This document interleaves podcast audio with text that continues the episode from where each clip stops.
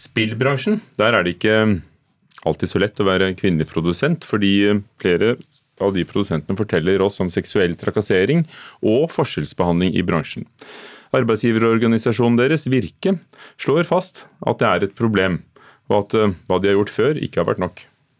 Jeg har jo opplevd at uh, en journalist uh, som jeg prøvde å godsnakke med på en fest da, til å få skrive om det jeg holdt på med, så uh, fikk jeg beskjed om at han gjerne kunne skrive den saken hvis jeg sugde han. Dette forteller Linn Søvik i spillutviklerselskapet Pineleaf Studio at hun har opplevd.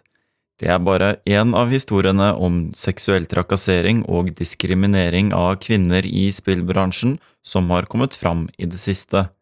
Søvik har flere års erfaring i bransjen, men opplever til stadighet at kvinner forskjellsbehandles. Det er bedre i utlandet enn i Norge.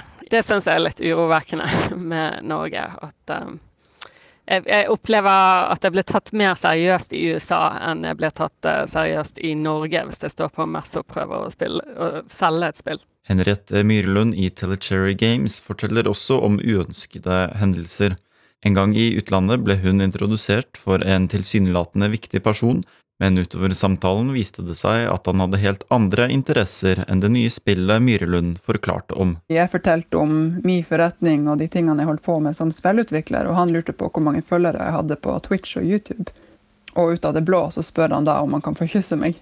Og, og, man blir jo bare satt ut. Jo, man vet jo ikke helt hvordan man skal reagere på sånt. Det var podkasten Spillrevyen som først tok opp temaet om trakassering i spillbransjen, og snakket med de to produsentene. Verken Søvik eller Myrlund opplever at de kan få hjelp og veiledning etter slike hendelser. Myrlund sier de stort sett støtter seg på hverandre. Jeg tror ikke det er en sånn plattform der man kan lufte ut og fortelle. Og så er man også kanskje litt redd for Altså Man vil ikke åpne seg opp til fremmede. Så jeg tror Det er ikke noe organisert form for å snakke om det. Virke Produsentforeningen organiserer store deler av spillindustrien i Norge. I 2018 kom de med retningslinjer for arrangementer for å forebygge trakassering, men de ser også at arbeidet tar lang tid. Det at vi gjorde dette arbeidet i 2018 med å lage retningslinjer, det betyr jo ikke at vi kan lene oss tilbake og tenke at jobben er gjort. Eh, de ligger der, de er et verktøy, men de må stadig minnes om og at de eksisterer. Og jeg tenker at denne saken, når den kommer opp nå, den viser jo at eh, det er nødvendig å kikke på dette på nytt. Minne våre medlemmer om at vi har dette, og også minne om at vi kan hjelpe til i situasjoner som dette som arbeidsgiverorganisasjon. Linn Søvik mener en av de viktigste måtene å få bukt på problemet med, er å ansette flere kvinner. Jo mer mangfoldighet jeg ser i den norske spillbransjen, jo stoltere blir jeg av å jobbe igjen. Reporter var Tarjei Mo Batalden, og så møtte vi også Kringstad, som er leder for Virke Produsentforeningen. To unge jenter prøver nå å fornye kioskromankonseptet, inspirert av dagens eh, TV-serier. Kioskromanserier som sådan er jo selvfølgelig ikke noe nytt, så da er spørsmålet, kulturreporter Hede Ørbekk Eliassen, hva er nytt med dette? Man kan jo sammenligne det litt med TV-serier, eh, men det er en romanserie, og denne historien da fortelles over flere sesonger. Man har sesong én, som er på syv bøker.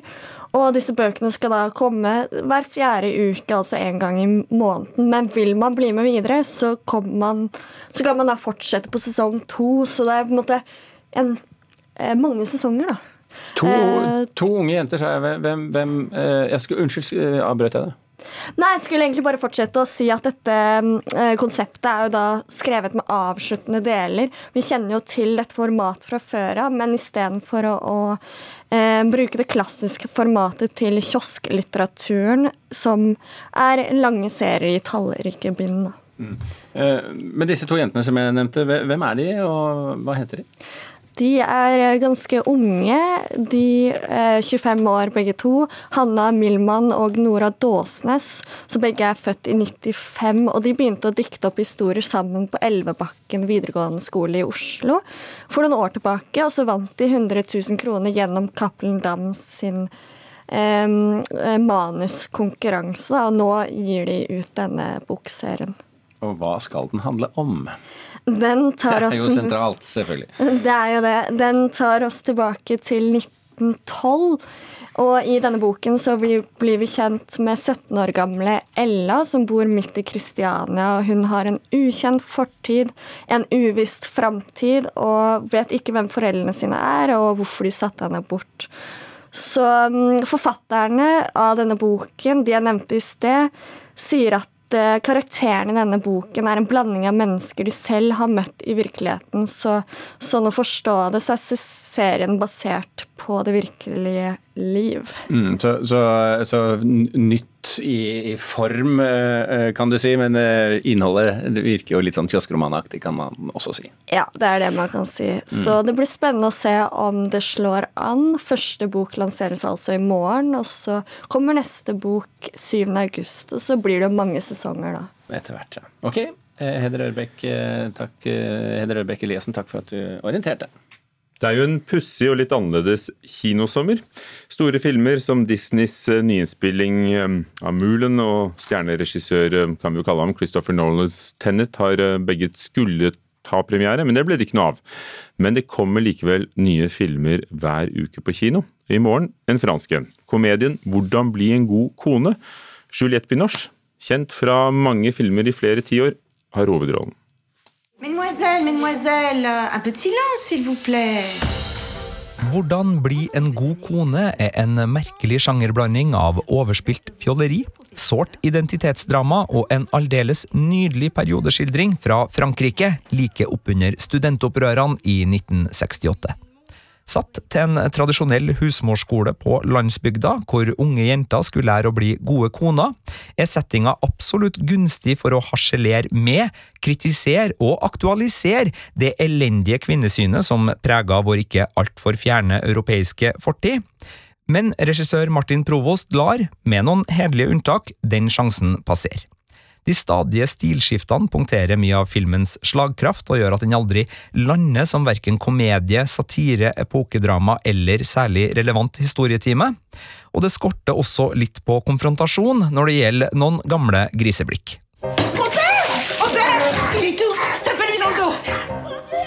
Tradisjonene holdes i hevd på van der Becks husmorskole, hvor timeplanen bl.a. inneholder skjenking av te og toleranse hvis din ektemann er svak for alkohol.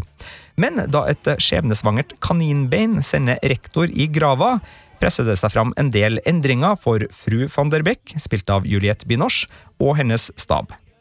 Settinga med et Frankrike som stadig glir nærmere brytningstida i 1968, gjør at det er stor aktivitet og sterk opprørstrang blant skolens elever. Tankegods som også siver inn hos lærerne, og som setter i gang både vonde opplevelser, teite forviklinger og vekker litt gammel kjærlighet. Pensez-vous que nous arriverons à sauver l'école Si nous ouvrions un nouveau compte à votre nom vous dire que j'aurais un carnet de chèques euh, à mon nom.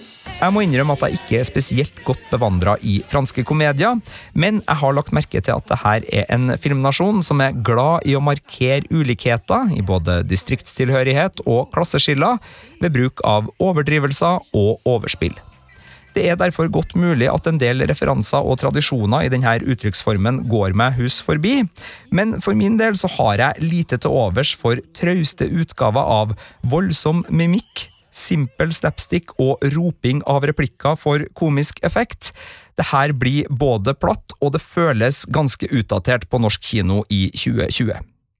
Hvordan bli en god kone har høydepunkt og enkeltscener sterk nok til at den glimtvis begeistrer stort, blant annet med en musikalscene i siste akt, men som historisk komedie om kvinnekamp er denne filmen for mild og for ujevn. Je veux pas que tu sois mon esclave, je veux faire ma vie avec toi. Et si ça peut te rassurer, sache que je suis un as du repassage et tu fais très bien la cuisine.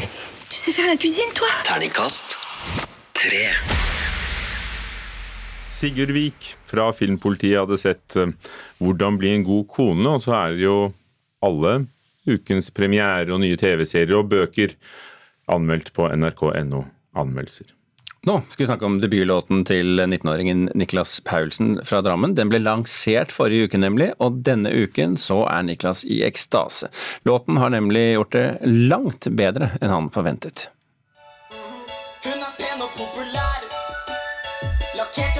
skrive klær.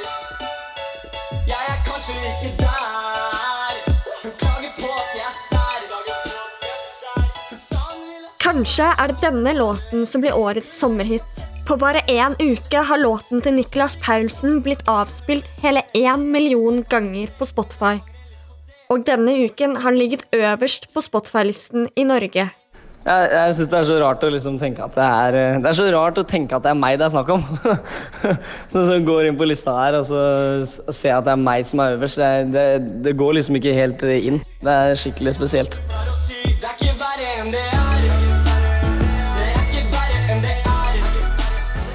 Låten som heter Ikke verre enn det er, ble skrevet under lockdown. Men å gi ut en låt har vært en drøm siden han var liten. Det er sykt hvor fort det har gått, og det er kult for meg som liksom alltid har sittet og tenkt på at eh, nå må jeg gjøre noe snart, nå må jeg gjøre noe snart.